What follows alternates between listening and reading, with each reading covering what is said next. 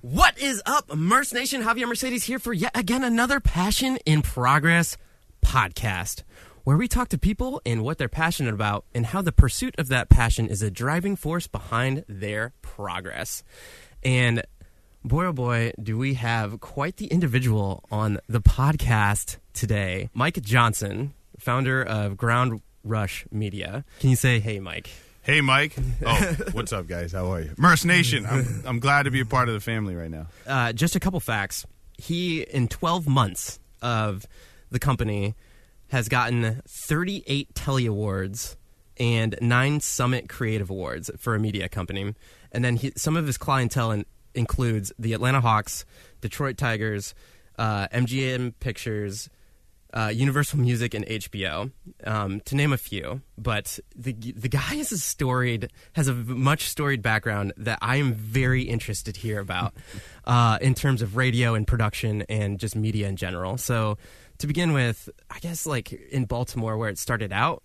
Or is there any like kind of better background that you want to say about yourself before we dive into that kind of stuff? Yeah. Or, um, go ahead. Sure, sure, sure. So, background on me, real quick. I was born um, on a tiny island in the uh, middle of the Caribbean called St. Croix, and it's it's equivalent to growing up in any small town, right? As a child, you have big dreams, and you live in this small town. You feel confined, and you know how wh- what is it going to take for me to be great and find myself, and so on and so forth. Long story short, um, you know, growing up through high school, I had you know this kind of affinity towards you know recording and, and music and just like any other kid.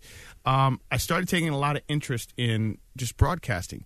And the way i did that was just like any teenager would do. I would listen to the radio. But instead you know back before we had all this great technology um, what you'd have to do is you'd have to call in the request lines. And i got to be really good friends with one of the djs that was you know doing one of the favorite shows that i listened to. So i would do like these guest guest DJ appearances over the phone. Like I'd call him up and I'd say like, "Listen, we could do a really cool bit where you pretend like I'm in the studio." It was just like really like quirky. I love how teenage even stuff. at the beginning, Right? It's like you. That's how you Just were. we were just just coming up with Love bits, it, man. coming up with bits, coming up with bits, and for some reason this guy kind of gravitated towards me, and he he would go along with it. Well, long story short, um, I was a freshman in, in high school when that happened. Um, got to be really good friends with the guy, and right around my sophomore year, my grandmother got really sick. I was really really close to my grandmother. Well, unfortunately, she had passed away from breast cancer, and I was just really adamant about like I just did not want to go to her funeral. Like I was just like, I'm not going. It's just not happening. Blah blah blah. And my mother was like, Why not? Why not? My dad was like, Listen. If he doesn't want to go, don't let him go. Like it's just it's a tough time. Mm-hmm. So what my dad did was he actually called up the radio station and he told the DJ he was like, "Listen, his you know his grandmother died. We're taking him out. We're taking him out of school, but I kind of don't want him to be by himself. So would you mind if like he came up to the radio station?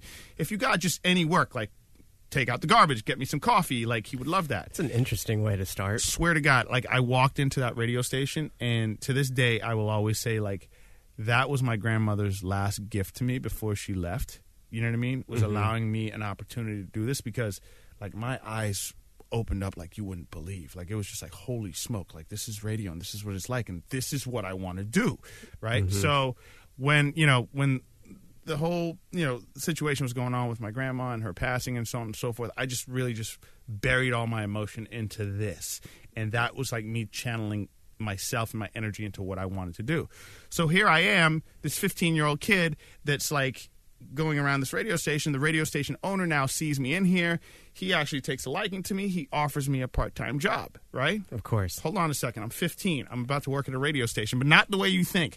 Like I got the graveyard shift that nobody wanted Saturday from midnight to 6 playing music. There was no talking. I just played music. But you know what? At 15, it doesn't matter. That's the best gig you could ever have. We're up. We're on the phones. We're teenagers. Yada yada yada. So um, what what year was that?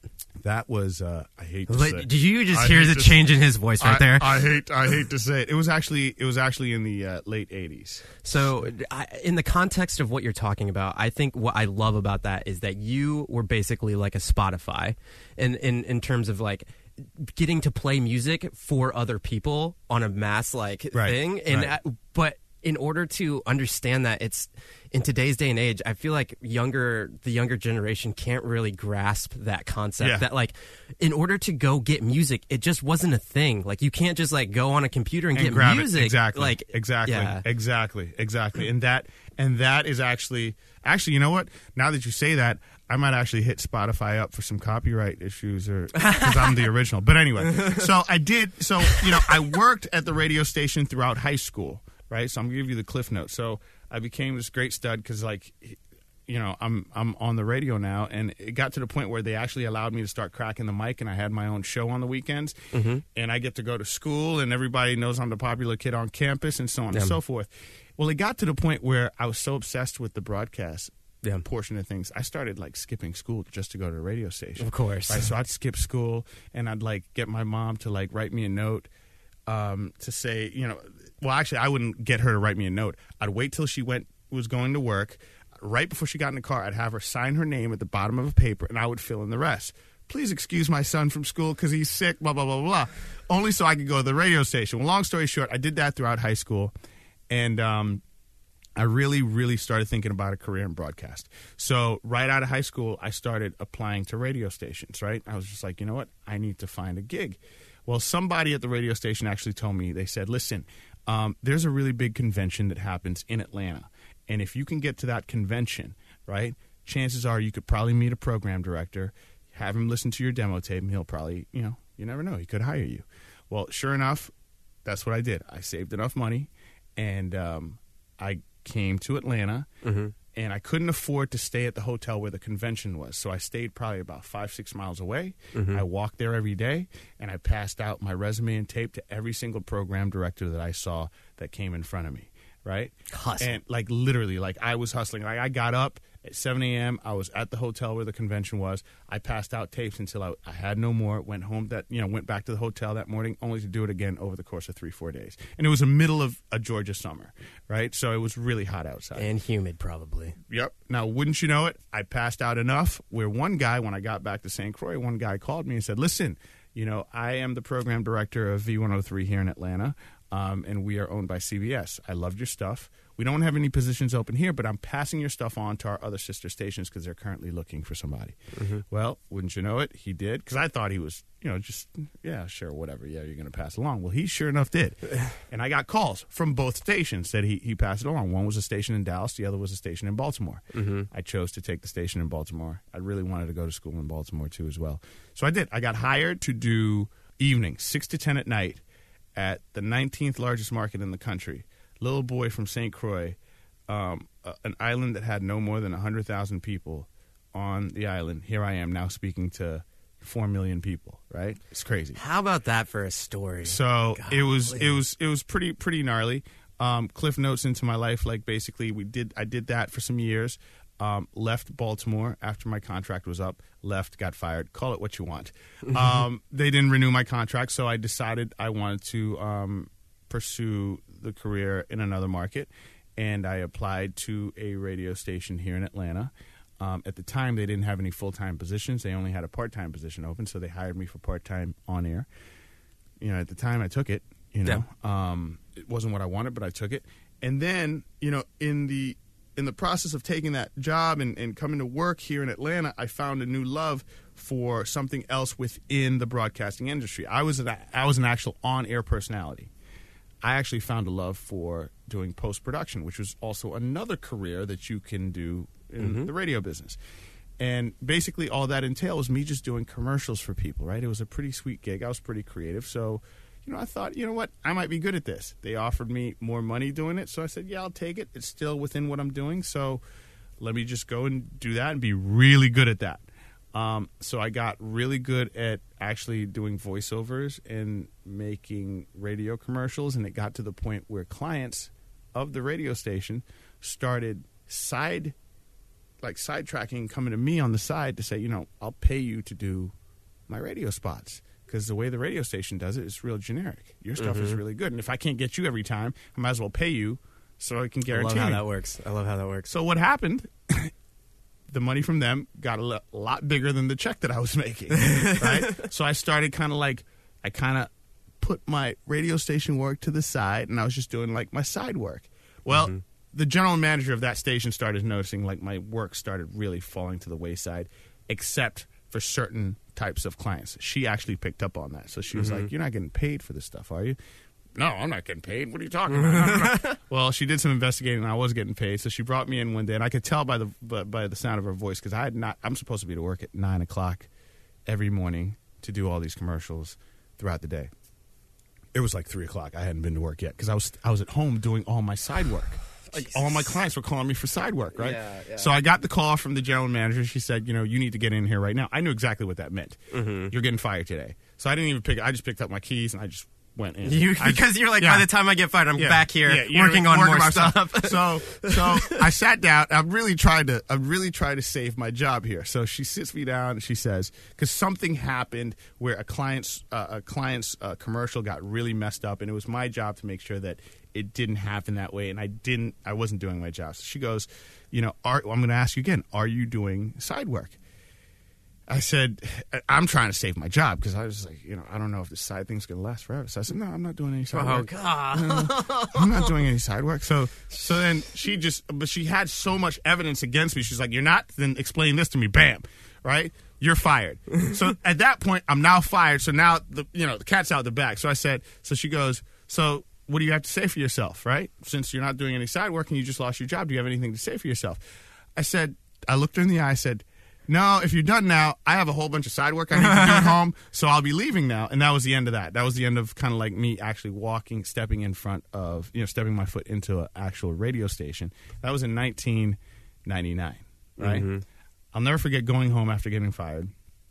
Um, you know, at the, this point, it was like four or five o'clock in the afternoon. I had this really cheap, because I was young, so I had this really cheap, like leather chaise. I just sat on it and I looked up at the ceiling and I said to myself, like, you, there's here's the pathway now. You, you you you're at you're at the point where the road splits into a Y. You can go down either path. You can try to find another job, mm-hmm. right, and keep doing what you're doing, or you can actually take what has been created for you with you know this side work that you've been doing and kind of mm-hmm. make it into a business. And I literally steered at my ceiling from five o'clock that afternoon. I'll never forget till one o'clock in the morning. Didn't get up, didn't eat, didn't anything. I was just like, what do I do? What do I do? Do I do this? If I do this, I just don't. I was just running the plays in my head. Like, if I go work for a radio station, it's safe, and I'll have insurance, and I'll have a check every two weeks, and blah blah blah. If I go down this path, I don't have any of that, but I don't have anything, and I, I could build anything I want, right? And um, and I just sat there, and then my roommate came in because I had a roommate at the time. He was like, "Man, what are you doing in the dark?" Right? and I explained to him, and he pretty much sat there and he said, "Listen, brother, like." You have everything that you need to be successful. I don't even know why you're even sitting here. Like, the choice can be more obvious. Like, you need to go down the path that you've been chasing. So I took a deep breath and I said, "All right, I'm going to try it. Right? I'm not going to no resumes, no nothing. Let's just move in the direction that we've been moving."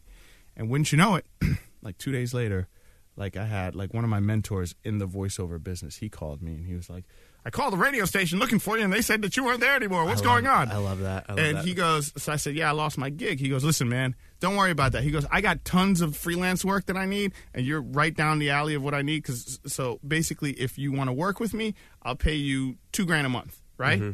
So I was like, okay, I got side business and I got two thousand dollars a month, right? And what he wanted me to do for him was he would voice the stuff, he would send it to me, and I would produce it. you just chop it up I and would add chop it out, music and add all those- music and so on and so forth. do-do-do-do-dum. all that. Bam, boom, bam, bam, boom, boom, boom, right? Yeah. You know what I mean? All that stuff. So, um, so I did that with him for a while. Learned a lot. All right, did that with him for about two, three years. Learned a lot from him.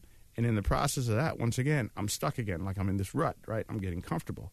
I said I can't get comfortable anymore. I got to figure out something else, right? Yeah. So he um he he asked me. He said, you know, what what are you what are you trying to do in this game? Like, where are you trying to go? I said, I really am thinking. You know, I kind of want to break off and kind of start doing my own thing, but not compete because I'm not competing against him. Like he's mm-hmm. to me, he was like God, mm-hmm. right? So I'm not going to compete. I'm just, I just really want to break off, and I, I kind of want to start concentrating on who I am and creating kind of like a name for myself in this industry. And I want to do. He goes, "What are you thinking?" I said, "I really want to open up a firm, a creative firm, right? Where I have my audio work, and then I have video work that I can do. I have um, digital computer coding stuff that I can do. Like it's pretty much a one stop shop advertising sla- slash creative agency, right? Because I'd never heard of something like that before. And the reason that that thought kind of came to my mind was um, I, you know, in the process of doing all this freelance audio stuff, I'd have a lot of agencies that would come to me for voice work or production work. And then once they had my piece, they'd have to take it to a post house. And then mm-hmm. once that happens, they'd have to, you know, they'd have to transcribe all that into like print. So they'd have to go to a print house. Or if they wanted digital, they'd have to go to a separate. There was never really a one stop shop that could keep a company's branding message consistent mm-hmm. throughout the entire, you know, campaign or, you know, anything. So hence I said, you know, I want to create a firm. And I'm going to create a firm that'll do all these things under one roof. I didn't know how I was going to do that. I just knew I was going to do it. Um, so then here comes here here's a caveat to how I kind of entered into that. So I'm doing all this audio stuff. I break off from my mentor and I start working at this idea. Um, so I get a call from a good friend of mine that worked with me at the radio station I just got fired from. We all know him as I know him as Chris, you know him as Ludacris, right? so Chris calls me up and Chris says, "Listen, um, I'm working on my first album, and I swear I'm going to get signed. And I don't have a lot of dough right now to pay you, right? If any, but I swear to God, like if you do this for me, I swear I'm going to look out for you. Now here I am, kind of like I'm starting a business. I don't need to do any work for free. You know what I mean? Mm-hmm. But something in my gut said, just do it. Like one, he's your boy. Mm-hmm. What do you have to lose? Blah blah blah.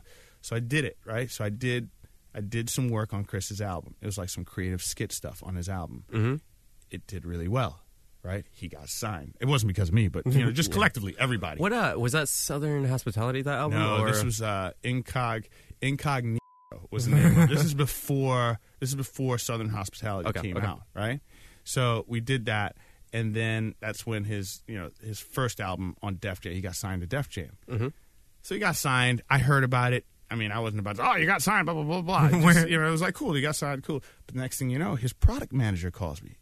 Yeah, um, this is, you know, Suzanne Burgeon. Um, you know, I was told to call you. You know, Chris told me to give you a call because from what we understand, he's going to be doing your, you know, you're going to be doing his marketing, right? You're like, oh, okay. cool. First of all, here we are. So I'm just an audio guy. I have no way of doing video, right? Mm-hmm. She says, um, so we're going to need audio spots. We're going to do video commercials, right? I straight up lie. I say, okay, I have no idea how to do anything video oriented, right? So I said, curious, um, how much, um, h- how much are you guys, uh, you know, what's what's your budget for these spots? She gave me the number. I said, I need to figure out how to do video now, right? like right now, right? I don't know how, but I'm going to figure it out. Long story short, you know, I got a computer. I got some guys, like some intern guys. I was like, listen, I'm going to pay you X and X. Can you figure out how to do this commercial? This is how I want it done. I'm going to do the audio. You're going to do the video. And this is what we're going to do. By far, if I look at that spot today, like, first of all, if you looked at that TV commercial today, you'd be like, what were you thinking? Like, what is wrong with it? It was so bad. But for some reason, somebody thought it was good. Somebody somewhere thought it was great. And they were like, this is awesome. Blah, blah, blah. Let's continue doing it. So, long story short, I picked up Def Jam as a client. From Def Jam, it's crazy. You So- just dropped that. so seriously, I picked up Def Jam as a client. You know, so I started doing a lot of stuff for Def Jam. As a result, you know, other people see your stuff. So you know, Yeah, everybody yeah. in the industry talks. So as a result of picking up Def Jam, um, somebody in the Universal world saw my work, and Universal corporate called me. Mm-hmm. Right. I was like, we want to do this for blah blah blah. So I started doing stuff for Universal cor- corporate. Then I started doing stuff for a lot of the labels throughout. You know, The music I mean, in- industry. throughout the music industry yeah. as a result of that, like, so then I'm like, okay, cool. Now we're doing video. Now we're doing audio. I'm onto something here. Like, this is cool. Now, keep in mind, the whole time this is happening, this is still happening in the basement of my home. Like, I have no like. What what uh, what years were was this around? This was uh oh like 2000 to two uh, between uh two years. So I was in my basement for two years. So from 2000 to 2002. The, Yeah. the the reason I ask is because I, I love the concept of what you're doing and where the internet is at at that point in time. Oh, Because yeah, you, yeah, you got to you got to you got to remember that camera you like you can't just go out to a store and buy like a DSLR and get that professional look No. right off the bat. Like No. Everything's you still- yeah. you are going from literally Yeah. the ground up. Yep, everything was still anal. Like I'll put it to you like this: we had just started, kind of like we were still in the in that phase of like yeah, MP3s are cool, and you know what I'm saying. Like you can send MP3 files Yeah. and like quickly in the CD quality of it. So that's where we're at, right? Mm-hmm. And if you saw like the the type of equipment I had during that time versus what we have now, you know what I mean? What we did it on. You know, by the time I was like up and running, and we, you know, we had a full fledged Avid system. You know what I mean? You Mm-hmm. could do that now on a, you know, on a MacBook Pro, and make it look 10 times better than it would on the Avid system from 2000 or Yeah. you know what I mean? And, So- and, and like probably two weeks faster. yeah, exactly. you know what I mean? And we were still we were still using tape. Mm-hmm. You know what I mean? So we were still using tape and all that stuff. So, you know, so it, it, it's an interesting evolutionary phase that we were going through too as well with technology coming out and doing, Mm-hmm. you know, giving us the ability to do these things, especially with especially with the fact that I lived in Atlanta and these clients were in New York. Because if you weren't in New York or LA, you you really weren't getting any of the business. Yep. You know what I mean? So mm-hmm. the fact that we had to use technology to our advantage to show these people, like, listen, man, it doesn't matter if I'm in Atlanta or if I'm in New York. You're gonna you- you're gonna get the same quality regardless. So between the internet on the brink and becoming a, a really good friend of ours, you know, and a lot of FedEx bills. You know what I mean? I was, I was For I, sure, I tried, sure. you know, I was able to work it out. So we, you know, so we evolve, you know, and once again, this is a short, short story. Like we evolved from doing, like we got the audio. So a lot of people are using us for audio. Like people use me for voiceovers. I got clients that come into town to do voiceover sessions with me, or my, you know, or my voiceover talents. I've just now opened up this video department. I need to start an internet department because this internet thing. Is I love how I asked that question, Right? and that's where it was going. That's so, cool. like, I need to start like a digital department, whatever Yeah. that means. Like, this is the new thing, so let's mm-hmm. start it, right? and you're and you're still in your basement, or I'm still, well, no. Well, actually, we're getting ready to move out of our basement. So we are at the point where we have we're two years in, and the video portion and the audio portion have have have taken off. I've now picked up like clients, like you know, like I said, every single label. You know, BET called me. I started doing stuff for network TV. MTV called me. I started doing stuff. You know, a couple of different pieces for Uh, MTV. Uh, Viacom. Yeah, for Viacom, Yeah. exactly. So you know that started kind of taking over. So um, so that's doing really well and really healthy. So I'm like, all right, cool. Let's start an internet portion of the business and let's grow that. So I brought that part in, and I brought in a whole bunch of designers. Once again, I don't, I know nothing about the internet, like other than what I use it for, right? So I bring in some designers, and I'm like, we're gonna start like this web portion of the business. So boom, I bring in like four or five people and I hire them, right? and they just sit there and they literally sat there for probably about eight to nine months because I didn't know what to do with them. And I'm They pay- they clocked in, clocked out, and Yeah, then well, they were just well, to a degree, like they were hipping me to what they do and how they do it. I just didn't know how to sell it. That's the okay. problem. So it's, it's, it sounds like they were motivated to do stuff. Yeah, it was just, it was just like I don't know how to implement this. yet. Exactly. Yeah. Like, don't get me wrong. I didn't know what to do with them. Like, Mm-hmm. they would tell me, but I didn't know how to translate that to a client. Yeah. Right. But to to you know, I mean to, to to put it in perspective, I just I started saying to myself like I need to pay closer attention to it. I just don't have the time because I have two thriving departments right now that I cannot ignore because that's keeping the lights on and paying Yeah. their salaries as they sit here, right? So, um, so this, once again, this is it's just so funny how the universe works. So I actually go to dinner with a client, right? It's actually a video client, um, a, a client that we're doing some a series of video stuff for, marketing wise. So we end up at this restaurant, steakhouse here in Atlanta. Um, our reservation is for eight o'clock. There's another gentleman and this other gal that showed up, and I guess his reservation was for eight o'clock too as well. Um, you know, the hostess said that we would be seated next. Well, we're sitting there watching everything happen, and the guy that came in after me, he was about to be seated, so I went up and I was like, "Listen, what's the deal? Like we've been sitting here for a while. Well, you know, why am I not getting seated?"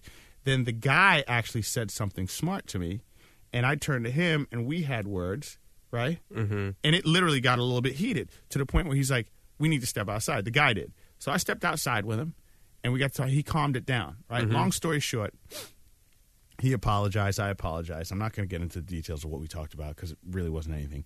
But um, but we got to talking right after we calmed it down, and he was uh, um, he was a product manager for Anheuser Busch, right? Of course he was. Right. I, I, I swear to God, I'm not making any of this up. This really all happened.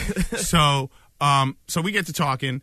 We exchange cards. I didn't think anything of it. Right. Sorry about it. Blah blah blah. I have an agency. Blah blah. blah. You know, what do you do? I live here. Yeah. You know, small talk. Exchange cards. We all went to dinner. Everybody had a merry time. Merry old time. It is what it is. A week later, the guy calls me.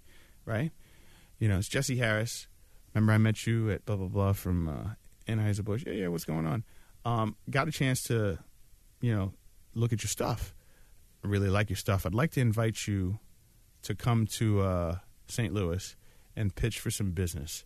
Um, we're looking at hiring a digital agency for um, one of our brands, right at the time. Okay. All right. Cool. I'll come. Well, well, hold on. Are you paying for it? Like, I know nothing about this, right? Like, Yeah. digital stuff. I was like, yeah, yeah, we'll fly you out. Blah blah blah. Just come sit. So we get we get to the meeting, and um, it's for a new. It was at the time it was for a new product they were la- launching called Bud Select, and um, here I am sitting now with my internet people that have really not worked for the past eight or nine months, right? And I'm sitting in a room with them, listening to this request for proposal for um, a digital piece, RFP. uh, RFP for uh, for a website for uh, for the Bud Select site. Now, I am also in the room with some pretty big name agencies, you know, Big Interactive and you know BBDO and these guys. Like these are some huge a- agencies. I'm like, there's no way I'm gonna win this business. Like it's impossible, Yeah. right? So they they give us a deadline, and we go back to Atlanta, and we come up with by far what's what would be the most technologically advanced type of website that you could ever see. Like we, you know, decided to do a mock-up. Like what they asked for was just basically, can you write down what you would do, send it to us, and we'll look at everybody's proposal and we'll pick the agency from there. Mm-hmm. I said, nah, we're not going to do that. We're actually going to build the site. Mm-hmm. Let's build the website for them. Because first of all, you guys haven't been working for nine months. Let's do. Let's build a website as an example, and that's going to be our, you know, that's going to be our proposal, right? And so we built this really cool website, and um, you know, we packaged it really well, and uh, we we built like this really cool structure for it. And long story short, there's a little CD, and I built this really cool structure that was that that looked a lot like the uh, Bud Select logo. Like I did a wood type thing, and I put the CD in it, and it, put it in a crate. I literally had to have um, a freight company come pick it up, and I shipped it to St. Louis. Everybody else is just emailing stuff in or mailing stuff in. I'm sending you a big crate, right? so long the way that it happened is the lady that was in charge of picking the agency, she's in a meeting, right? And I told the freight company, nobody gets this freight. She has to sign for this freight. I don't care if it's an assistant, anybody. It's too much, you know, too much money at stake for this, right? Because it was a, it was a huge check. So um, so she's in a meeting. She gets called out because they're like, "There's a freight guy here, and he says he won't release it to me. You're the only one that can sign." Blah blah blah blah. So this big box comes into her office, right? Mm-hmm. So what the hell? She opens it up. She sees it's our proposal. We get a call. Boom! Immediately, right? Imme- immediately. That's right. awesome. Wasn't even a question. So we won the business. All right. over like BBDO and Yes. all those other places. We won the man. business. Like n- knowing from my my background, I know how big these firms are. And Huge. They're they're they, Huge. I can't put context to it, but they're very big. But let me put it in. Let me put it in context too as well.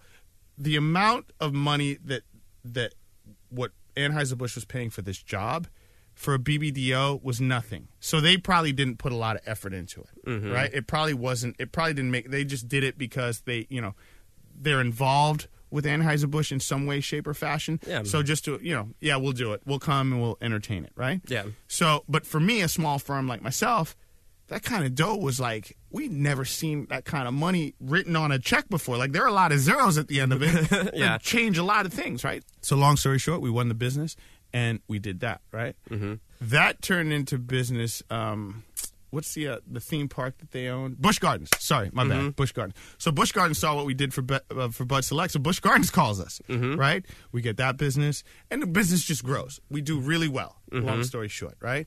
Um, we do really well, and we get all these great clients. Like I'm talking about Anheuser Busch. We're doing stuff for Britney Spears. We're doing stuff for her sister, Jamie Lynn Spears, and so on and so forth. Everything is great, right? I'm, you know, so I'm eight years in. Things are great. I'm working myself to the bone, though. Like things are just crazy, busy. Things are good, right? 2008 happens. Boom. crash. Everything crashes. Recession. Recession crashes. Budget stop. Everything happens. I go into this huge depression. Right. Um, there's no money. I got to start laying off people. Right. I have a thriving 25 person firm, and I don't have any budgets. You know, I mean, we've done pretty all right to sustain for a little bit, but I, this so long I could do this. So it's starting to mess with me psychologically, right? But wouldn't you know it, we're going to buckle down, roll our sleeves up. I'm going to build this firm up to be, you know, to be strong, recession proof, foundation. Everything's going to be amazing. So I literally start working, working, working, looking under every rock, not leaving any rock unturned, so on and so forth. Then next thing you know, I start tiring myself out. I come to work one day, and it was one of those things where I was just working so much. I stopped taking a salary to make sure my guys were paid. Um, I got to work one day. I literally had just been. I just left work at six o'clock. I came home. I slept for two hours. Went right back to work. Came home. Came back to work, and um, I went outside because this is a time when I had a really bad habit because I used to smoke cigarettes. Right. Came out to have a c- cigarette and I just felt like my heart started beating real fast. I literally thought I was having a heart attack. I was like, "This is the end. Like this, this isn't how this ends. Like I built this great firm. I'm trying to save it. Now this is going to happen to me." So I called my wife. I was like, "Listen, you need to get to the office right quick because I don't want to freak anybody out. I need to go to the hospital." You know, you'd think to yourself, well, "Why don't you call 911?" Well, it wasn't that. I didn't know what was going on. Something weird was happening, but I just didn't know what it was. They took me to the doctor. They did a full 120 point inspection. Pretty much, dude, you had a panic attack. You're you're stressed out um, I was stressed out because you know literally the ship that I built was sinking, Mm-hmm. and I was trying to plug the holes because there was no money, no nothing. I couldn't. Um, so I decided, you know what? I'm just going to scale back.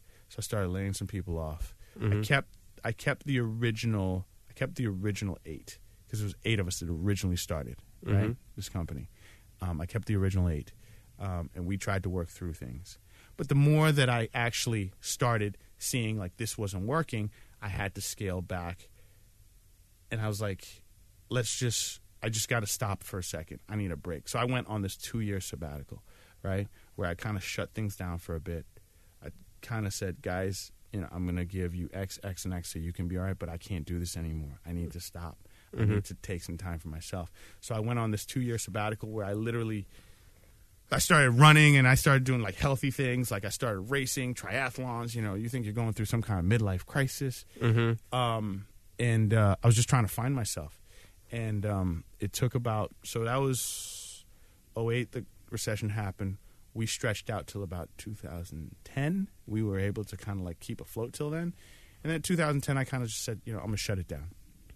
And uh, I left, and I just said, you know, I, I just need some time. I've just been going for the past 10 years, and I've been going hard and strong, and I've not taken a break.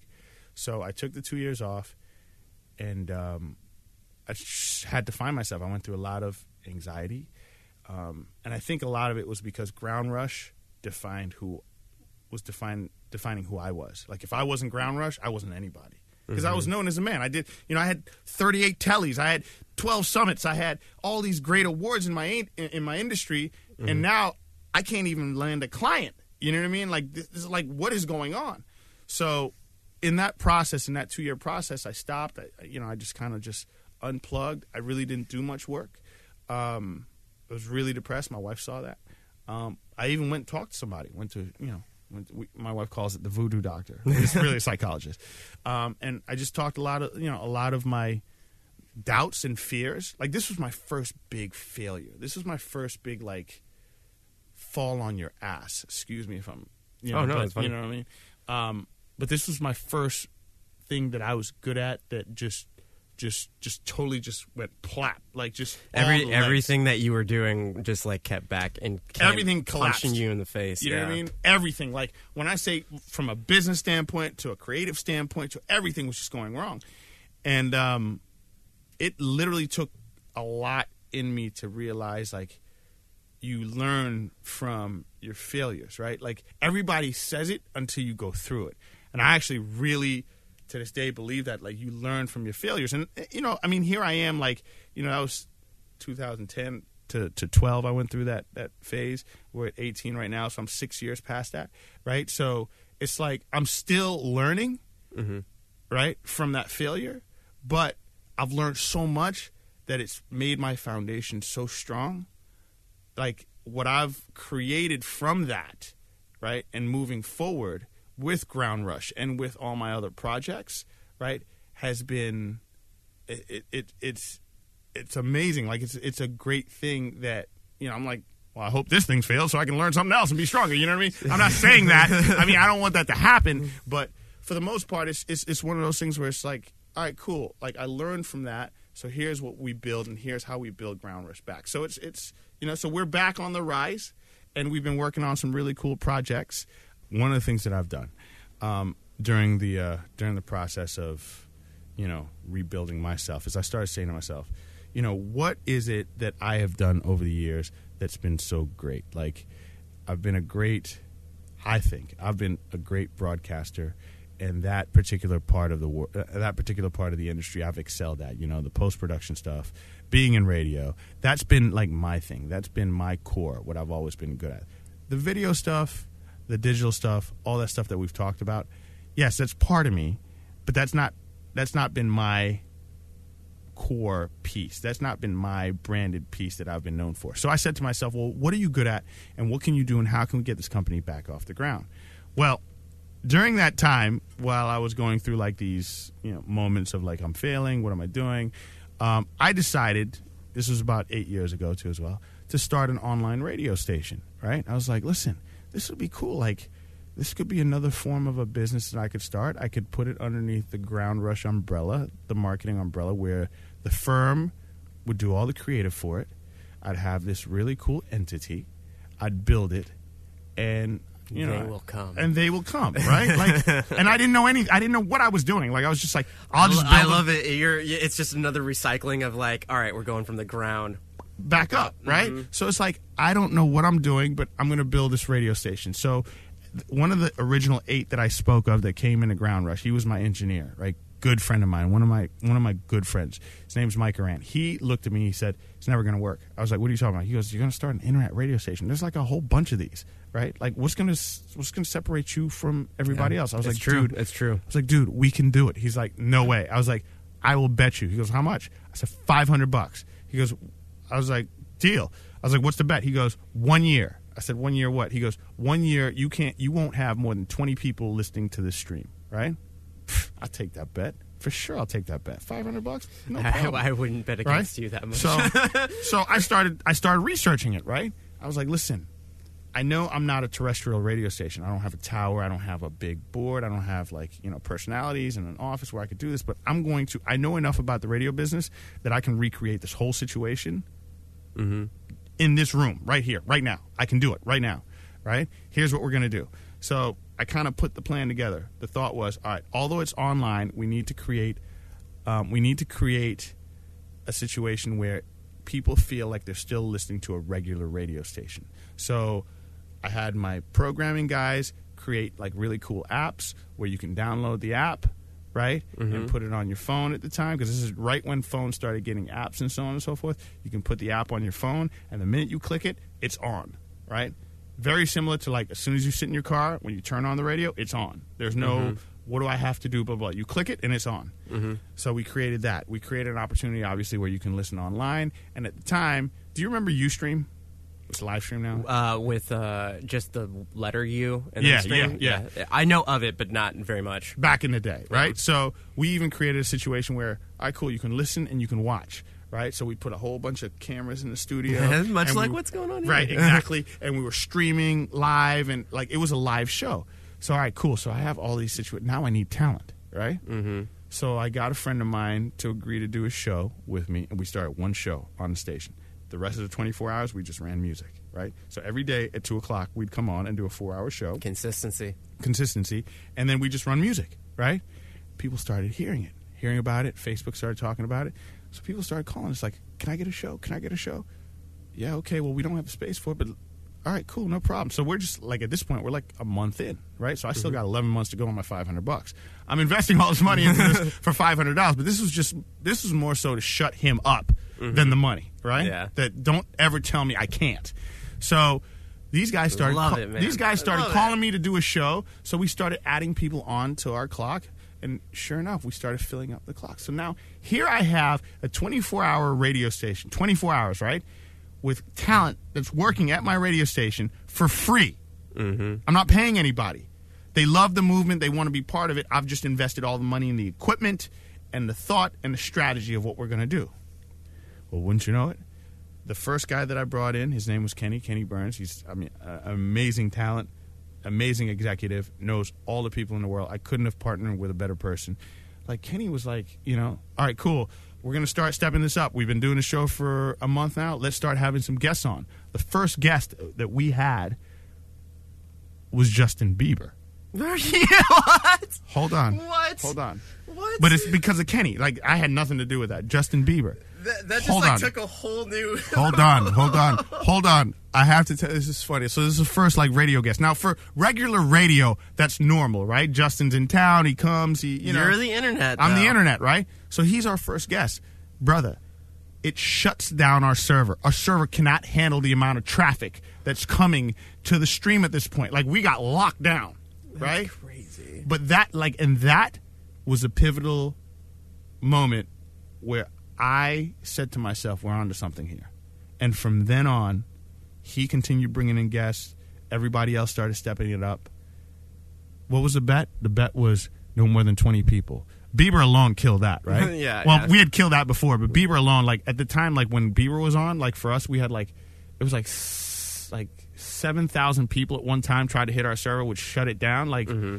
All at one time. Now, for most people, like seven thousand is a lot for a small internet radio station. For a live stream, that's a lot. That's a lot of people, Yeah. right? Especially if you don't have the bandwidth to handle it. And at Mm-hmm. the time, I mean, it's not like today. You know what I mean? So it was very. I mean, it was very controlled. So, um, so we were like, we need a bigger server if this ever happens again, right? Well, long story short, let's fast forward.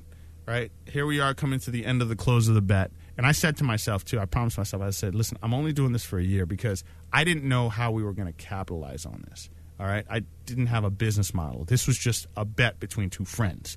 Okay, so here we come on the. We're coming to the end of the year, the 12 months, and we're now at a quarter million people. Okay it is to the point right now where anytime a label came into the market with an artist, they would go to the local radio stations and we would be one of those radio stations they'd have to visit. Right? So it'd be like, I'm going to V103, I'm going to Hot 1079, and it, we call the stream Beehive, and we have to go to Beehive. Mm-hmm. Right? Dude, we had Chico DeBarge, we had, I mean, you name them, they came. Mm-hmm. Right? So it got to the point where now radio stations started saying to themselves, the terrestrial radio stations started saying, like, who, who and what is this Beehive thing? This is locally in the market. Mm-hmm. General managers from radio stations were trying to come to my office to see what we were doing. Like, you don't understand. I had an actual radio station placed in my office. I had a request line. I had a board. I had a studio. I had a place for producers. I had, you know what I mean, all in the course of 12 months. The end of the 12 months came, and I said, I got to shut it down. And everybody was, well, what do you mean? We're on to something. I said, I don't know what to do with it. You know what I mean? I said, we grew too fast. You know what I mean? And I, I mean, honestly, I just didn't feel like we, we had what it took to, to sell it. You know what I mean? I didn't, I didn't have a business model. I didn't know what to do with it. I'm sorry, guys, I'm at a loss. Like, so you know, a lot of people are a little bit upset with me because it was just like, all right, cool, we believed in your vision, and all of a sudden you just like crap all over us and tell us that it's done. You know, and it, that was also something that was really hard to swallow. But I literally like did not want to disappoint. Like I did not know what to do with it. Like my goal was just to get the listenership, and it wasn't even about the 500 bucks. It was all about like somebody told me that I couldn't do something, and I was like, you know, f off, dude. I can do whatever I say I can do, right? And I did it. So I shut it down and I said to myself, um, I'll just put it in a cabinet and shut the door and deal with it some other time, right? I have ground rush that I need to figure out. I need to get back to my advertising and marketing game and figure out how to jump back into that, right? So I started doing that, and that kind and once again, it came back just like anything else. In any business, I've learned the ebbs and flows of it. You know, one minute you're up, next minute you're down. So ground rush kind of came back, and we continued doing the same thing that we were doing. You know, still the audio, still the video, still the digital. Just we just did it differently because um, technology just changed differently. The internet happened. The internet happened, Yeah. which made it a lot easier for us. and less FedExing. Right, less FedExing. we didn't. I mean, my, my FedEx account just went went away. The guy actually FedEx and UPS actually sent me an email at one point, like, "Listen, you haven't logged in in a while. We're going to cancel your stuff if you don't use it." Right? Yeah. Didn't need to. So um, so we got back on track. Um, you know, it got to the point where I didn't need the guys to come into an office every day. You know, we all evolved. We all got married, had kids, and I said, "Listen, we can all work from home and talk frequently." And send work like so. That's what we do. You know what I mean. Send work here and there. You know what I mean? As work gets done, it goes to you. Like you, it's the same process. We're just in different locations. You know what I mean? Mm-hmm. And you just you're just you're just at a point where you can now see your daughter grow up. You can do work, see your daughter grow up, and it's still business as usual, right? So we mm-hmm. just did business differently. So um, so that's been doing well, and and that's that's actually the evolvement. You know, the the rise and fall of Ground Rush, rise and fall is always going to happen. And that's been there, and that's been doing well, and it runs itself to a degree. I mean, we all work hard. So here I am. Ground Rush is back. We're doing well. I'm bored, right? Mike with a bored mind Right, is, I'm bored. is lethal. Right, Lethal to the business world. Right, I'm bored. so what do I have and what can I do? Right? So I said I started opening those cabinets that I closed and I opened the one cabinet. I said, Oh look, Beehive is still here. I remember I did something with that. Maybe I could bring it back and do something with it again, right? So what I did about a year ago, I said, you know what? I'm just going to turn the stream back on. I'm not going to tell anybody about it. I'm just going to run music on the stream on a backlink, and I'm just going to go running every day, like because I run quite a bit uh, for exercise, and I'm just going to listen to it. And as I, you know, as I see that I need to make some changes, I'll come back. I'll make the change. I'll go for another run and listen to it, and just kind of evolve the content of what I'm doing. Um, so that's what I did for the past year. So I was like, all right, cool. I'm bringing Beehive back. That's it. We're coming back. Boom. I did a whole logo redesign. had my guys do the logo redesign, do the website redesign. We're back, baby. This is it. We're coming back. Right?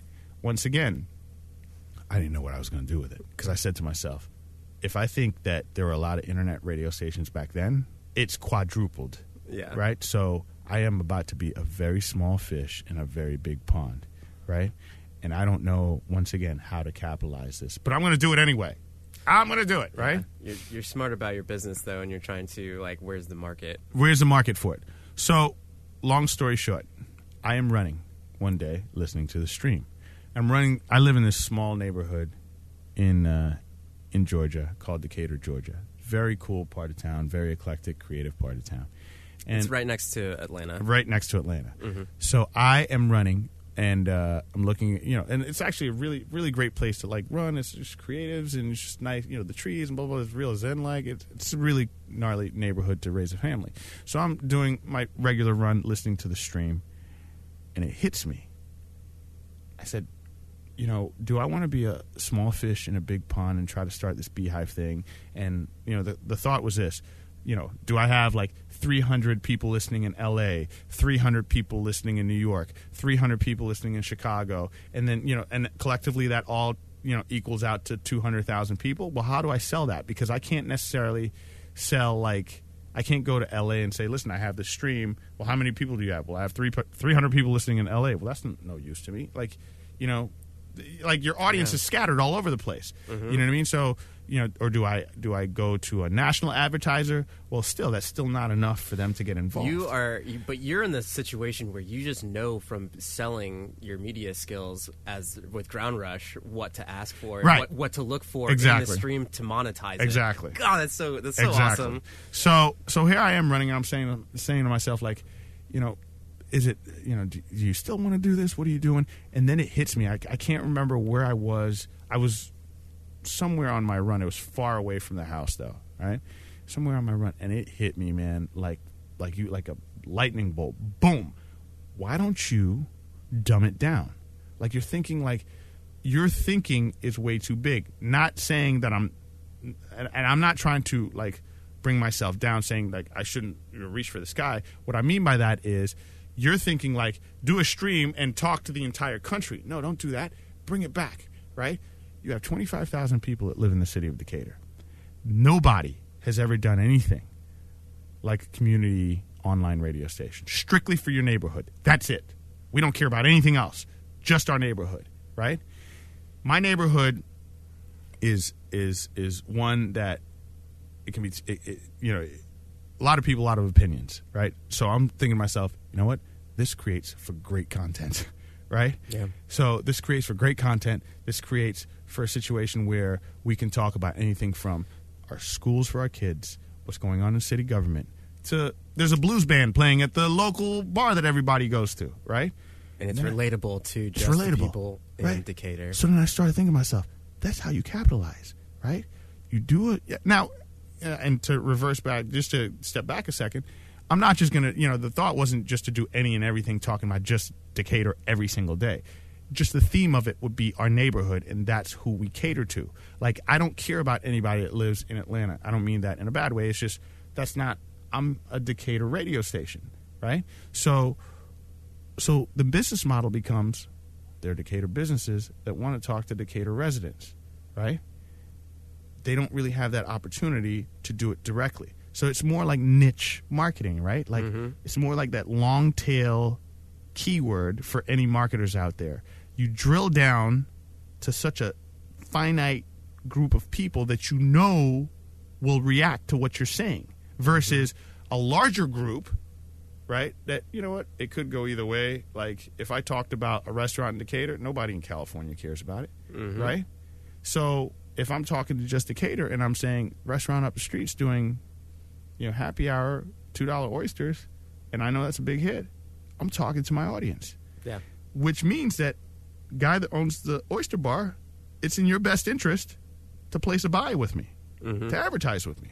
There's my business model that's that's that's the model. That's how you make some money doing it. That's how you capitalize on it, right? Mm-hmm. That's how you make it big. Big in my sense of saying it, right? That's how you make it into something. So I said, so I literally stopped the run. I was like, I got to get home, right? I have a workout that I have to do because I'm actually training for a race, but I'm like, screw the workout, man. Like, I got to get home. I have to, like, I have to let this out. Like, this is just so much of it bursting at the seams.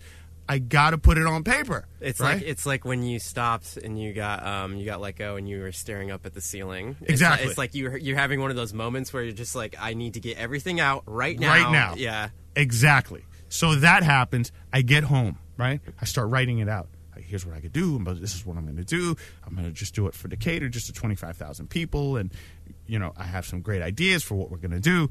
So then I started thinking to myself, now here comes, here comes the larger scale. So I said, listen, this is great, right? this is, what, hold on a second. Like, this is like, nobody's ever done this. So let's do this. So in my, in my career, I've worked for various broadcast companies. Mm-hmm. Okay, whether it's working for them directly or doing freelance for them. You know, whether mm-hmm. it's CBS, Radio One, Cumulus, Citadel Broadcasting. I've worked for all of them. Clear Channel, you name it. Right.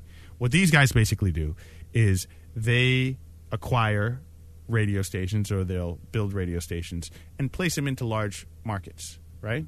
And small markets too, as well. Like you know, I'll take a station and put it in Atlanta. I'll take another radio station, and put it in Macon, right? Mm-hmm. So on and so forth.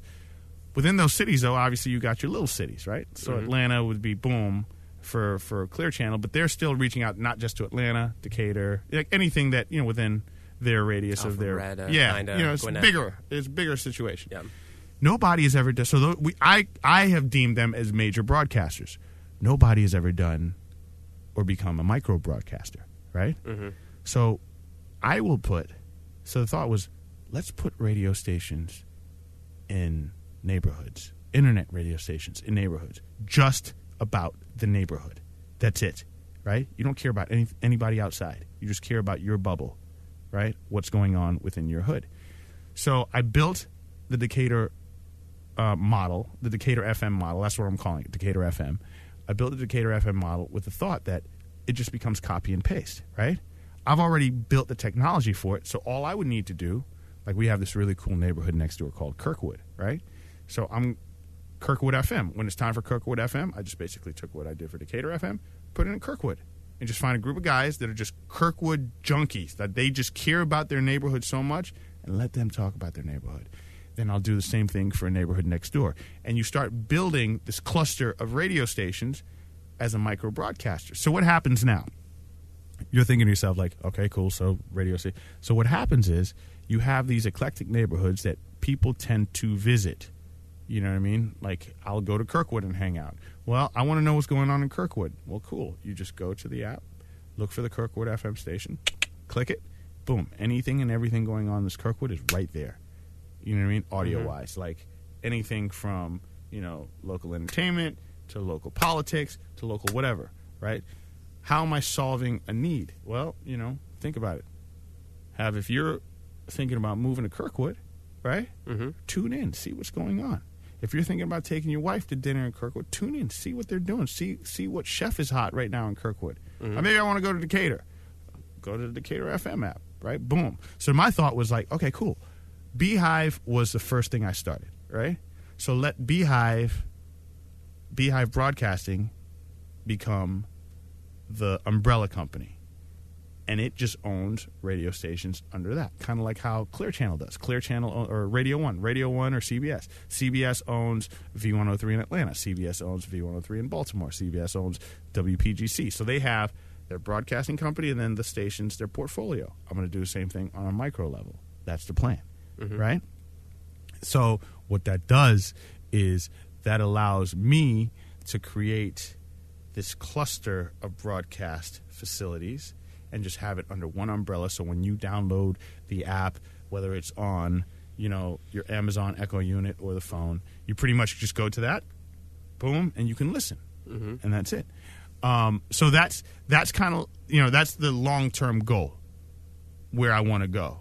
Decatur FM is really the start of that goal and what we're doing, right? So here I am 13 months later, the station is built, the station is actually getting ready to be launched.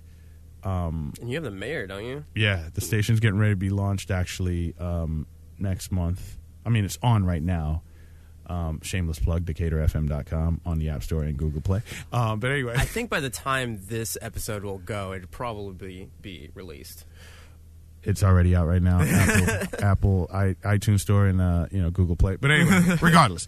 But the you know so you know the, it being launched and having like pivotal people involved. So you know so I actually went up to uh, City Hall with the intention of um, getting the city involved. And after pitching the story to them, they were like, "This is a no-brainer," because what happens is I don't know if it's you know in your neighborhood, my neighborhood. You look around like there's nothing like this. Like there's there's a lot of people that do city blogs and you know local newspapers, but nobody's doing like an actual community online radio station for for your neighborhood in which you can have a voice. Mm-hmm. You know what I mean? So, and the reason the reason why I decided to kind of change things from the beehive model to more of a local community feel is um, you know i went like i said before when the company shut down i went through a lot of things. And i went through a lot of things and i had a lot of questions right? And there were so many questions that i had just you know about me failing about you know just my health and the direction that i was going like just so many questions. I didn't have anybody to answer to you know to answer that question.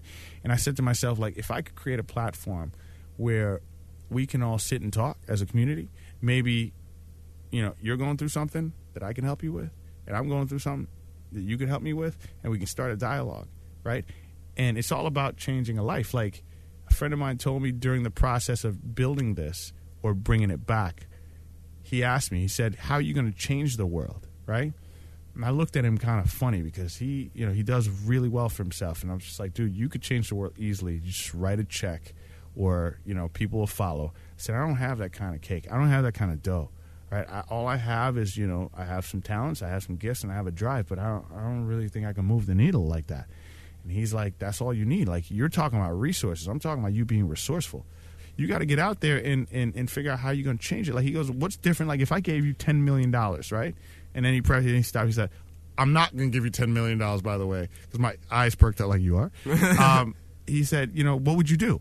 And I was like, well, I could do this, I could do that. I said, so what's different than you if you didn't have the money? What, what what makes you not able to do that? And I thought about it, and I was like, you know, he's right. Like, how do I make my mark? Right? Mm-hmm. How do I change a life, lives, life, even one, right? And and how do I how do I, you know, just create an opportunity for people to just speak and have a voice and talk. I said, there's no better way. Like, I'm good at what I do. You know what I mean? Just like you're good at what you do, right? So if I'm that dope, you know, and nobody's ever like people in my neighborhood is they've probably never experienced what I'm about to, you know, put on them. This is like this is great. This is amazing. So, um, so long story short, we and I say that a lot, by the way. But, I um, noticed. I say that. That's like my crutch. That's like my crutch. Um, but what we, you know, so what we've decided to do is we've decided to go in that direction. Like we're all about creating community. We're all about creating a space for people to talk. We're all about like, you know, changing lives. I've seen, man, I've seen so many of my friends, man, like, you know, from a career standpoint, from a health standpoint, from a political standpoint, just just dwindle. Just just they either have they don't have the right clue or they just don't know, and there are things that I can help them with. There are things that, that that they can help me with, and just because of ego and everything else, we just don't. So if I can create a place where we can do all that, you know what I mean, mm-hmm. on so many different accords, think about what what that can do. I mean, just just sitting here and I'll tell everybody right now, I'm sitting here on your podcast as a result of me creating this stream. It's how you and I met. Yeah. You know what I mean? Yeah.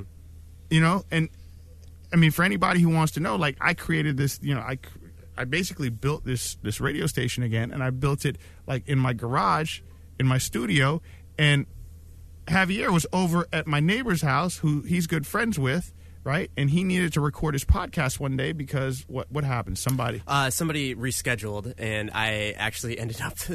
you could go thrice fold into this story. I, a cork in the road. I I was out at a get together, and I was just like, "Oh, my guest uh, uh, needs to reschedule to a later time, and I'm here in Atlanta. I still want to get material out. I need to find somebody, and I would love to have you on the podcast." So I start talking to her. She's like, "Yeah, let's do the podcast." But in my circumstance, I don't have a um, I don't have a space. Right. So I'm like cool where do you want to do it and then we start talking and uh, we were in a basement uh, a couple houses down from Yeah. from this area and uh, a mutual friend of ours was like well i kind of know a guy Yeah. and then uh, me, yeah. yeah and then mike mike gets a call like after midnight um, the day before I was gonna do the podcast, and was like, "Hey, there's this guy. He, he needs a studio to do record some." I knew nothing about it, but Yeah. you could you could take it from there. So, you know, I show up and, you know, Javier and I get to talking and, you know, he tells me about his podcast and he needs to record. I was like, absolutely, sure, why not? You know, I mean, that's just the type of person, one, I am. And two, um, we had a lot in common as far as like recording and some of the People people, that we worked with with, before, yeah, which is like, you know, the, just like six degrees of separation. Whoa, this is creepy. Yeah. But but I say that to say like once again, everything that I'm I'm doing moving forward, like and things that I've learned in my past and you know the successes I've had and the failures that I've had and having this new thought process now of like I want to change the world and change your life, like it just kind of unfolds and you just don't even see that it's unfolding. Like I met, you know, we met, mm-hmm. and then next thing you know, I met, you know, um, I met Kelly from Cork in the Road. You did an interview with her. Yep. Now she's going to be on my stream. Yep. You know what I mean? Like it's just like it's just how things flow and how you change lives. You know, and you know, I mean, and then Nick you, Hagelin came in. yeah, well. exactly. You know, so we've been like, so it's just one of those things where it's like, this is exactly, this just kind of confirms what I'm doing is correct. You know what I mean? And and I say that like I guess the lesson in all of this is like, you know, you kind of sit back sometimes and you kind of say, you know, sometimes you just got to listen to your gut, right? Mm-hmm. And although like it's like, you know, you should be going this way, but my gut is telling me I need to be here, then do it because you just don't know. You you'll never know. You know what I mean? If Yeah. you always choose what's safe, right? You'll never know what you could have been.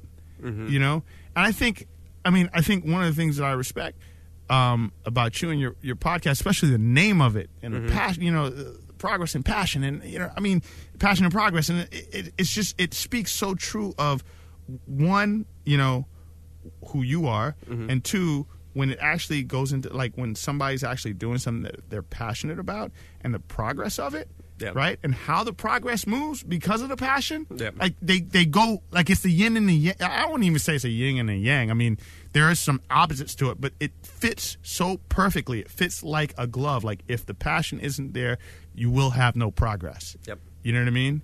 And if there is progress and you don't have passion, then it, it just It's doesn't work. Yep. Right. So, you know, I think you know moving forward, like it's just one of those things where I'm seeing like it's changing a life, and I, I always say to myself like, well, whose life is it changing right?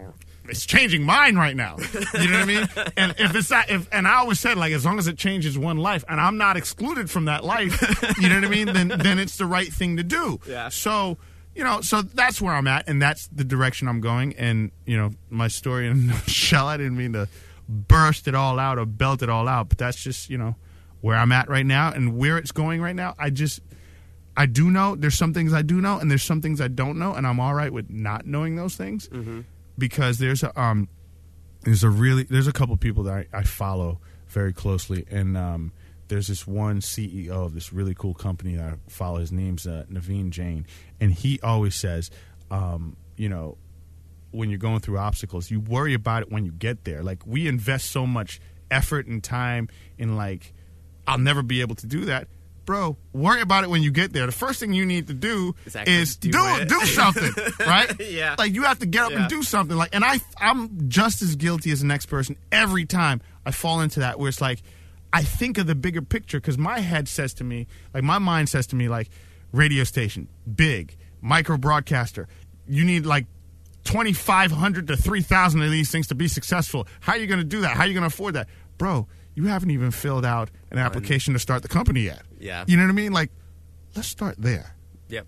Yeah. And then everything else will kind of fall into place yep. you know and um and that so that's where i'm at and that's where life is is is taking me right now and where i'm at uh, you put out what you get back basically All the time. like like if you're putting out positive vibes positivity like um, helping people out I, it it comes back uh, and all that stuff negativity um, i would say. This is definitely a blanket statement but for for the last like couple months to a year pursuing all this stuff i can definitely see in my own personal endeavors like helping and like trying to one of the main reasons why I started my podcast is like you were saying um, was I really wanted to help people and like do all this stuff but I didn't like one what platform do I have to do that and then two I wanted I wanted to do a whole bunch of like video editing things and all that stuff but there's only so much uh, there's only so much that I can do and because that's like super niche down and I wanted some way to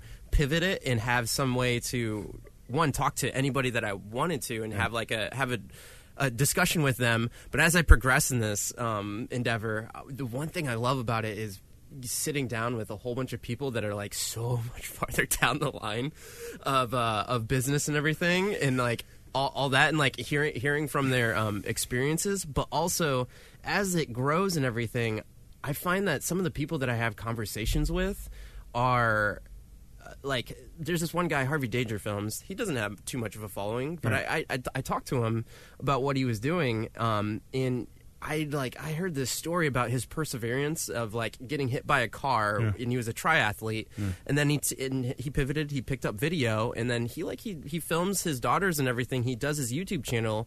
Um, one because he loves the video stuff, but two because he has short-term memory loss now. So now he can go back and he can watch these videos and all that stuff. And it's like it's like hearing stories like this. Like man, it gives you so much perspective. But here's here's the other thing too, though. I mean, in, in going back to that, like one thing that I would say, as you talk about building building your podcast and and where it's at now and where it's going, I don't necessarily think you should compare. Like, there's so many other people that are, you know, they're here and I'm here. You know that mm-hmm. like that's not even like that's not even comparing apples to apples. Yep. You know what I mean? Like you and you can't do that. And I, I used to do that a lot, and I, I still kind of do that to a degree. Mm-hmm. I do that mainly like with like I don't do it with, with business more so more so than I do like with workouts and so on and so forth. Like I'll have like a friend of mine who's like a better runner than I am, right? Running And- so tough though I because, mean, but- because but- there's so much capability. But still, though, yeah. but still, though, like even I'm just using that as an example because I've mm-hmm. been running so long. But he's so much. A, I wouldn't say he's so much of a better athlete. He's just built differently than I am. Yep. Right. So his skill set is way different. Yep. Not to mention he's also seven years younger than me. But regardless, what, what, the way I look at it is, it, what I used to look at is like, listen, he is a way f- superior athlete than I am. I Mm-hmm. could never hold his pace. I could never, you know, do a race with him. I could never blah blah blah. Yeah, yeah. And I kept saying that to myself. And just recently, I started, I started hearing from some of my other mentoring type of people or mentoring type of media outlets where it's been said like listen you got to even the playing fields right? Like you got to know your terrain and even the playing fields on your terrain. Like with this run runner situation or example i'm giving you like he's really good at running because of x right? He's you know more flexible more agile so on and so forth. You're not right? So you have to e- even those playing fields. So you know stretch yourself out. You know go to yoga. Get mm-hmm. get back on your game blah blah blah mm-hmm. blah. And then you you even those playing fields so now you can keep up with them right? And I, even at that point so then so i go to yoga and i start doing all this stuff and i'm trying to you know I, i'm gonna get him i'm gonna race him still still the wrong mindset You can't you can't tell Mike what he can and cannot right exactly but, still, but now i'm learning it's still the wrong mindset it's not Mm-hmm. me versus them it's you versus you like you see all these things like on the shirts and people posting it on instagram and facebook like you versus you and you kind of like ugh you know that's just some dude talking blah, blah. but there is a lot of truth to it you know what i mean Mm-hmm. Yeah. like i'm not competing so you're not competing against like the person that's ahead of you because you don't want to be them Mm-hmm. You know, Javier wants to be Javier. Mike wants to be Mike. Mm-hmm. You know what I mean? You know, Kelly wants to be Kelly with her, you know, with her Cork in the Road podcast. Like, Yeah. we all want to be ourselves. So our race is within ourselves. No- So no matter whether you have 300 people, Mm-hmm. you're 300 people, all right?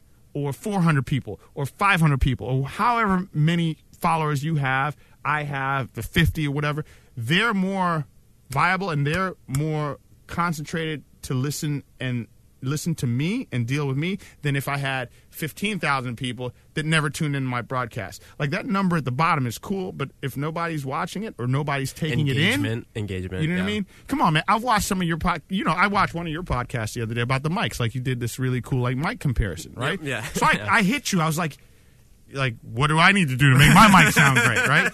But still, though, that just. But honestly, though, I really sat through that and listened to that, Mm-hmm. right? And then, and I mean, if if you want to know how you change, like how how do you change your life? Like literally, last time you came here, right?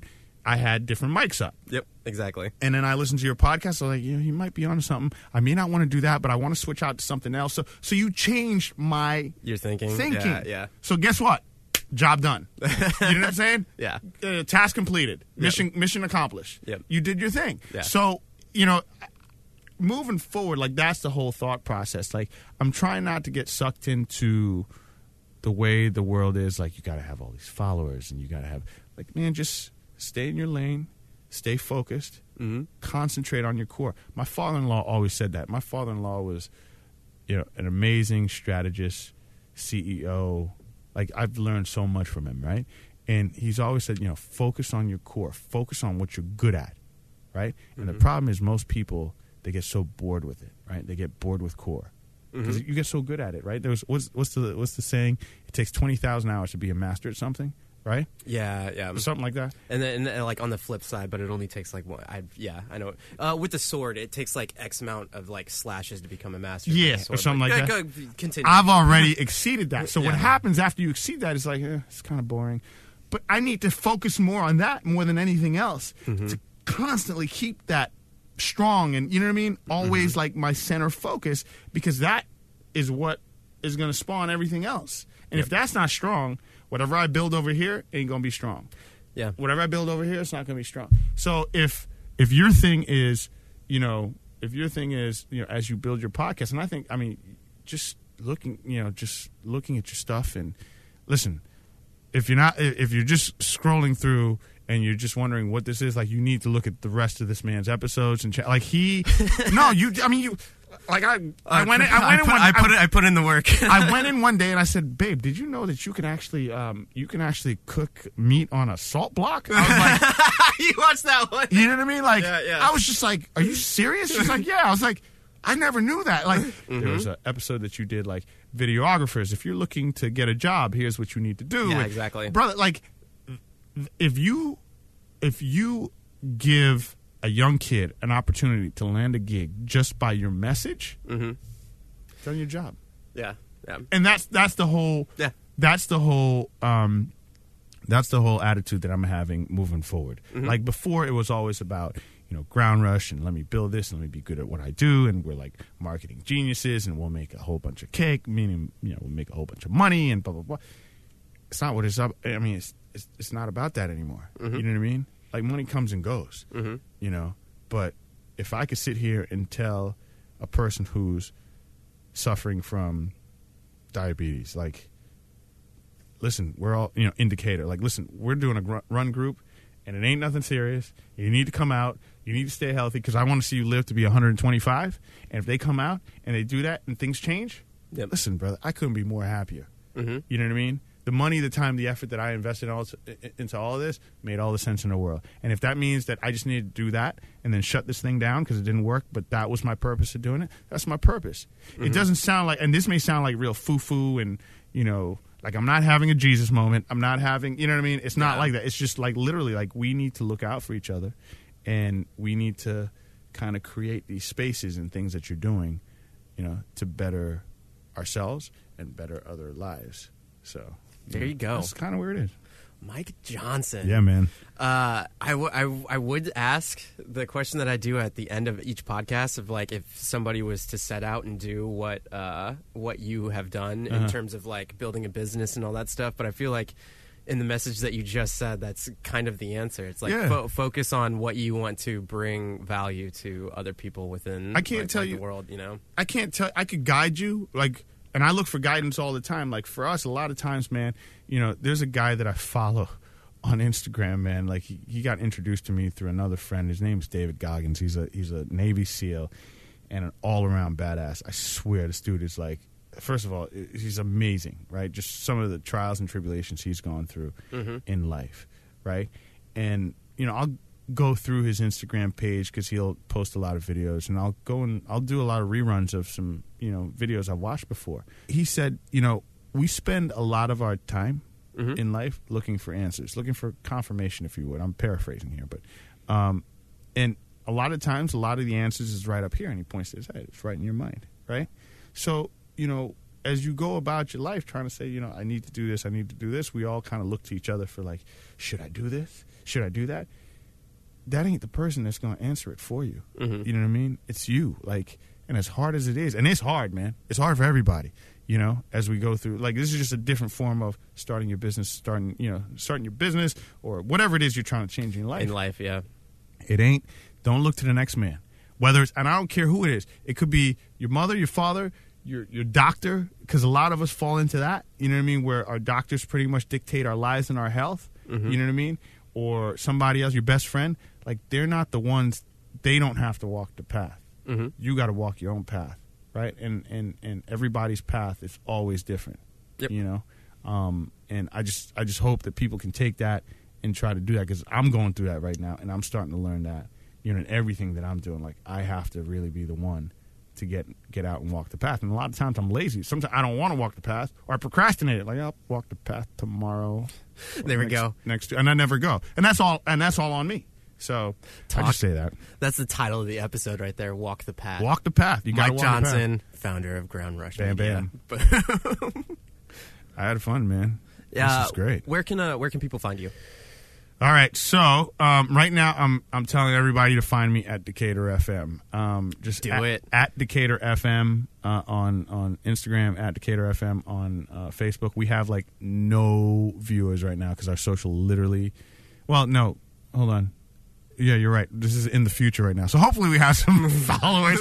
Um, but yeah, at Decatur FM. If you're looking to find me personally, um, I am I'm a big comic book fanatic, so you can find me at Bruce Wayne, the number nine. And there's no significance to the number nine. It's just because Bruce Wayne was not available, and neither was one through eight. So, I picked, so I picked nine. So, so that's where you can find me, um, and DecaturFM.com, or you can just go to GroundRushInc.com um, and read about us and check us out.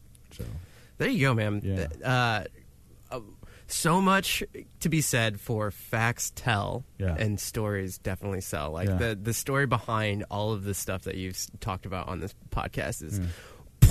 That's many like my mind blown. Maybe a lot, yeah. Uh, Sometimes. I got. ADD too. So. What a great story! Thank you so much, and thank you for letting us use your space as You're well. wel- you guys are welcome anytime. Anytime. So, and I expect to see more people as you add on to this great big broadcast that we're doing. Be like, yes, uh, this is Javier's assistant. I'd like to book your studio for another podcast. I see that coming he's, real soon. He's coming through Uh, um, ATL. he needs yeah. uh, he needs space. For and I swear, time. and I'll tell you this: I swear to God, if that ever happens, I will beat you to a pulp. Because I'll be like, this mofo doesn't even have the nerve to call me directly anymore. I got, I'm talking to assistants now. So I look forward to that day to happen. It's going to happen soon That's too. the trust five hundred dollar bet right there. There it is. I bet you five hundred dollars you're not going to let an assistant call me. Yeah, I'll take that bet. Awesome. Uh, if you want to connect with me on social media, go ahead and look up Passion in Progress on the YouTubes. Don't forget to leave a review on iTunes. That's how this stuff gets shared. If you liked what you heard here, um, I can't see why you wouldn't. Please share this podcast with somebody else. It's some it's some pretty cool material. I love I love the story, man. Um, thank you so much again, and I will see you guys slash hear you guys talk to you guys on the next one. Have your Mercedes out. Thank you.